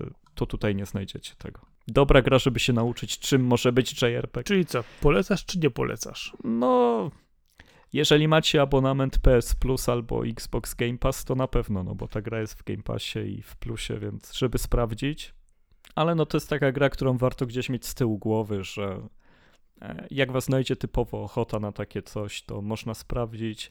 Z tym, że no konkurencja na rynku JRPG-ów jest tak ogromna, że tyle genialnych gier czeka na każdego z nas. Ja jako fan gatunku mam tyle gier nieodhaczonych, na tyle jeszcze czekam, żeby do nich usiąść, że e, no, no, no, no niestety, no Sea of Stars e, nie może się z nimi równać, mimo iż jest całkiem spoko grom. Kwestia właśnie wyboru. Czy ograłeś wystarczająco dużo RPGów, żeby być gotowym na Sea of Stars y, i mieć wszystko już odhaczone, czy rzeczywiście szukasz JRPG z pełną klasą, pełnym butem, to może niekoniecznie Sea of Stars, bo tylko, no właśnie, no właśnie, kurczę, ani do końca nie wygląda tak, jak miało wyglądać, bo trudno mu się zdecydować, ani do końca nie jest tą grą, którą miało być, żeby się rozwijać, więc okej, okay, dziwne. No w świecie, w którym masz nieograniczony czas albo go bardzo, bardzo dużo, to tak, można polecić, no bo jest no bo to jest dobrze zrobiony tytuł, on się nie psuje i, i nie ma jakichś gigantycznych wad, poza tym, że jego wadą jest to, że kiedy go porównujesz do tuzów gatunku, których jest, nie wiem, 150 do wyboru, to wy, wypada od nich gorzej po prostu, ale to, to nie znaczy, że, że jest słabą grą, no bo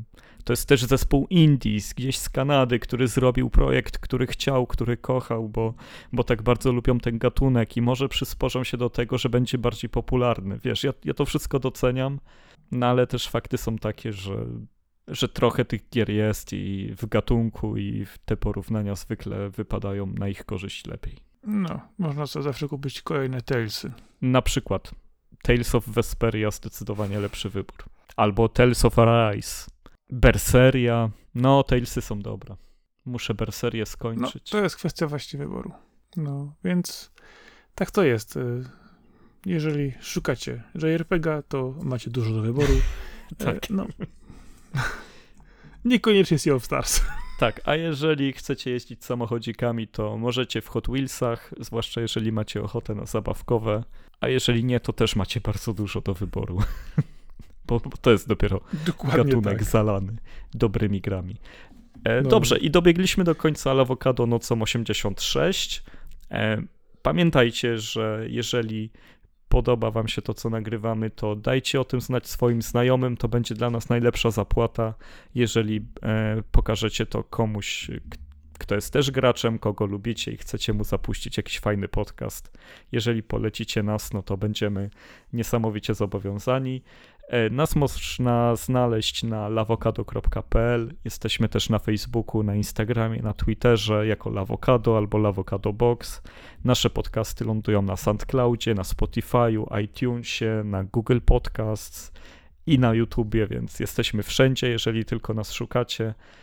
E, I nagrywał to ze mną Marcin Tomkowiak, czyli Sakora oraz Arkady Żegończyk, czyli Kaskad. Trzymajcie się serdecznie, grajcie w fajne gierki y, i wybierajcie te, które wam najbardziej się podobają. Dzięki, cześć. Do usłyszenia. Hej. Cześć, cześć. Hej, hej.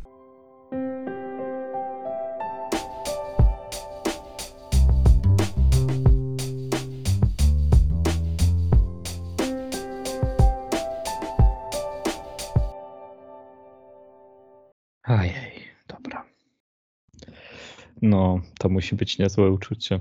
Nie, powiem ci, że wiesz co, generalnie spowodowało zaraz, wiesz, obniżenie poziomu wkurzenia, nie? Ajej, dobra. No musi być. No musi Jesteś być. gotowy na nowe gry. Jeszcze komputer. Ajej, dobra.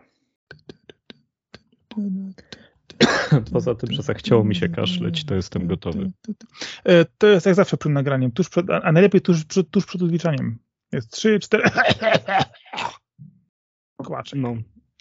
Ajej, dobra. No o tych samochodach to się tak tam w szczegóły wchodziłeś. Że mówię, wiesz, dobra, no jak, jak ci zależy. Jeszcze, powiem ci tak, gdybyś miał pojęcie, ile jeszcze pominąłem. Dobrze, no ale no wiesz, no. ja też dużo pominąłem. No. No, no. Nie, naprawdę, trzeba, naprawdę, trzeba pomijać dużo szczegółów. Po, uwierz mi, pominąłem ogromną ilość szczegółów, opisałem tylko główne zasady, o co chodzi. Ajej, dobra. Ja ci pominąłem opowieści o tym, że nasi bohaterowie, ucząc się na wojowników przesilenia, e, poza treningiem, szyli też sobie ubranie. I oni przez 10 lat szyli sobie szarfę, która potem zanurzona w magicznej wodzie dała im magiczne moc. O Jezus Maria. Ajej, dobra. Pewnie dłużej potwierdzałeś, że jesteś człowiekiem niż ściągałeś. Ajej, dobra. A to też, to też, no. Dlatego się dobrze rozumieć, bo to też jesteś taki uparty. Tak. Z tym, że ja dla samej e, Dla samego procesu kłócenia się to robię. Wiem, wiem. To jesteś po prostu A on, a urodzony. on jest o tym przekonany. Tak, tak. A ty, ty jesteś po prostu urodzonym op- oportunistą, sa- sabotażystą. Tak. Bardziej mi chodzi o sam proces niż, niż o resztę.